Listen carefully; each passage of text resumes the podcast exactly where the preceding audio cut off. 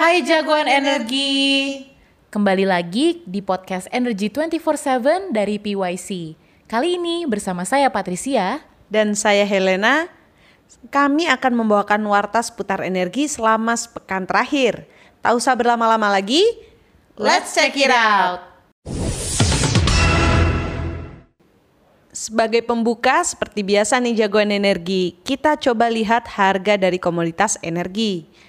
Kira-kira dari harga minyak, rata-rata Indonesian Crude Price atau kita kenal sebagai ICP, pada bulan Oktober sejauh ini masih mengikuti ICP di bulan September, yaitu sebesar 86,7 US dollar per barel.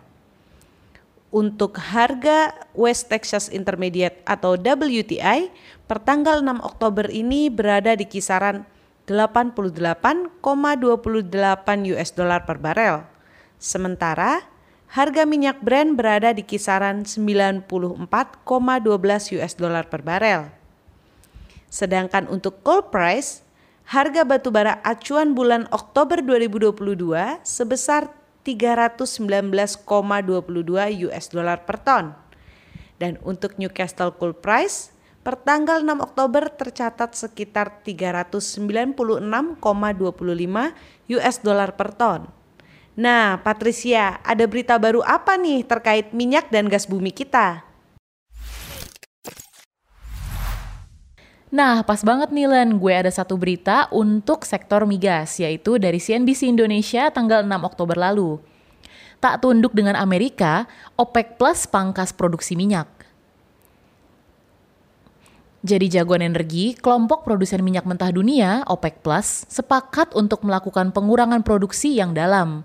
Nah, ini merupakan usaha untuk memacu pemulihan harga minyak mentah dunia namun, pemotongan tersebut mendapat tentangan dari Amerika Serikat yang mendesak produksi lebih banyak untuk membantu ekonomi dalam skala global. Lebih lanjut lagi, OPEC dan OPEC Plus memutuskan untuk mengurangi produksi sebesar 2 juta barel per hari pada pertemuan yang diselenggarakan di Wina pada hari Rabu lalu. Angka tersebut menjadi pemotongan terbesar sejak pandemi COVID-19 pada tahun 2020 lalu yang memangkas sekitar 10 juta BPH atau barel per hari.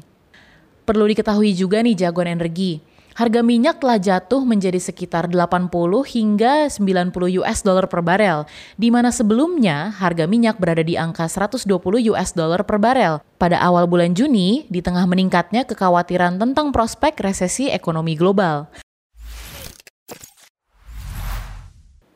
Baik, kita beralih ke sektor mineral dan batu bara. Berita kali ini dikutip dari kata.co.id 5 Oktober 2022.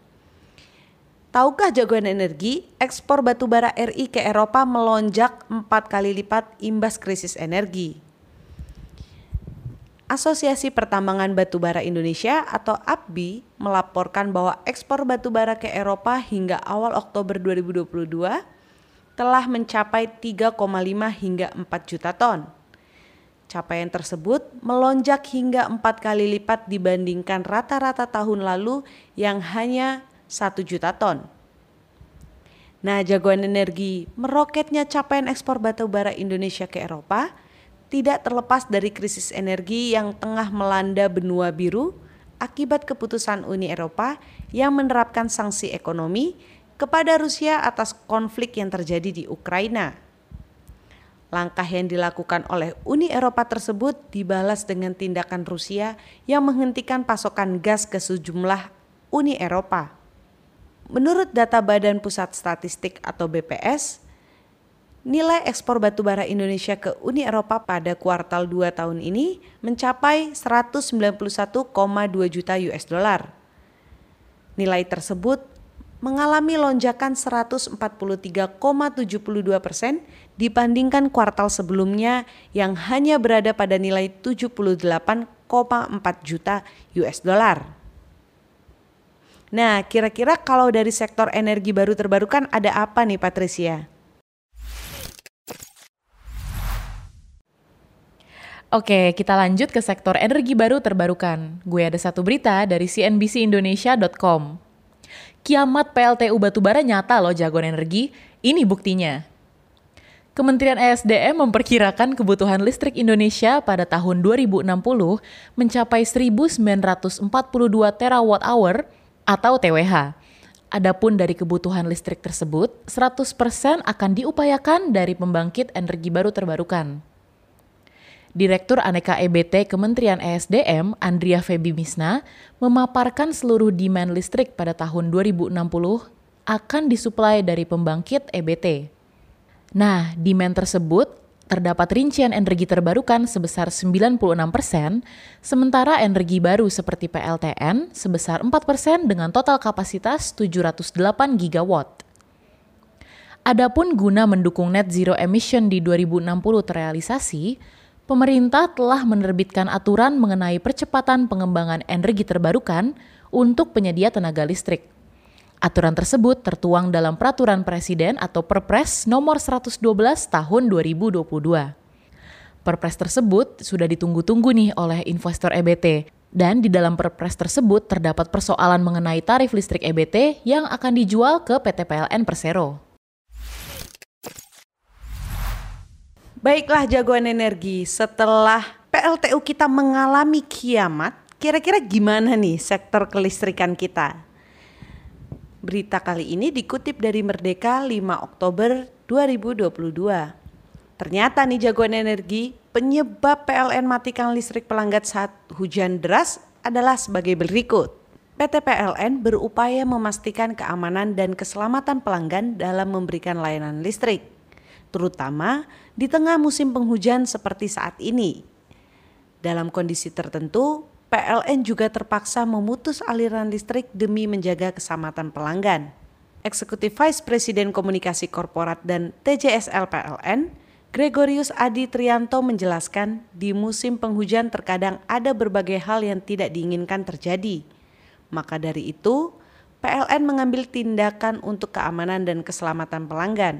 Pemutusan aliran listrik saat musim penghujan sendiri biasanya disebabkan oleh sejumlah faktor, Pertama, gardu listrik terendam air akibat banjir.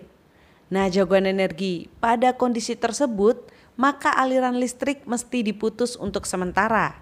Hal tersebut dilakukan demi mencegah sengatan listrik yang membahayakan bagi pelanggan serta mencegah potensi gangguan kelistrikan yang lebih besar lagi. Selanjutnya, kalau dari perubahan iklim, bagaimana nih Patricia? Oke Len, kita lanjut ke sektor perubahan iklim di mana gue ada satu berita yang menarik nih. Dan pas banget berita ini juga akan menjadi penutup untuk pertemuan kita di minggu ini. Wapres akan dorong kerjasama tanggulangi perubahan iklim di KTT COP27. Wakil Presiden Ma'ruf Amin mengatakan, Indonesia akan mendorong kerjasama multilateral untuk menanggulangi perubahan iklim saat ia menghadiri konferensi perubahan iklim atau COP27 di Sharm el-Sheikh, Mesir, awal November 2022 mendatang. Ma'ruf Amin juga mengatakan, kerjasama mutlak ini akan diperlukan karena semua negara bisa menjadi korban perubahan iklim yang memiliki dampak luar biasa. Menurut Maruf Amin, semua negara sudah menyadari itu. Hanya saja perlu ada negosiasi antar negara untuk menentukan bantuan apa yang bisa diberikan oleh negara-negara besar lainnya dalam menanggulangi perubahan iklim tersebut. Nah, sudah diberitakan sebelumnya jagoan energi, Maruf Amin akan menghadiri KTT COP27 di Mesir mewakili Presiden kita Joko Widodo. Lebih lanjut lagi nih, Duta Besar Mesir untuk Republik Indonesia, Ashraf Mohamed Moguib Sultan, mengatakan bahwa pihak Mesir sudah menunggu dan siap menerima kedatangan Maruf Amin sebagai peserta KTT. Wah, tak terasa ya Jokowi Energi, kita sudah berada di penghujung podcast 24/7 di minggu ini. Kami ada info menarik nih dari Purnomo Yusgiantor Center, yaitu kegiatan The Insight yang akan dilaksanakan pada hari Sabtu 15 Oktober 2022 dengan tema Green Human Capital, Millennial and Gen Z untuk transisi energi yang berkeadilan. Nah, jangan sampai miss ya jagoan energi.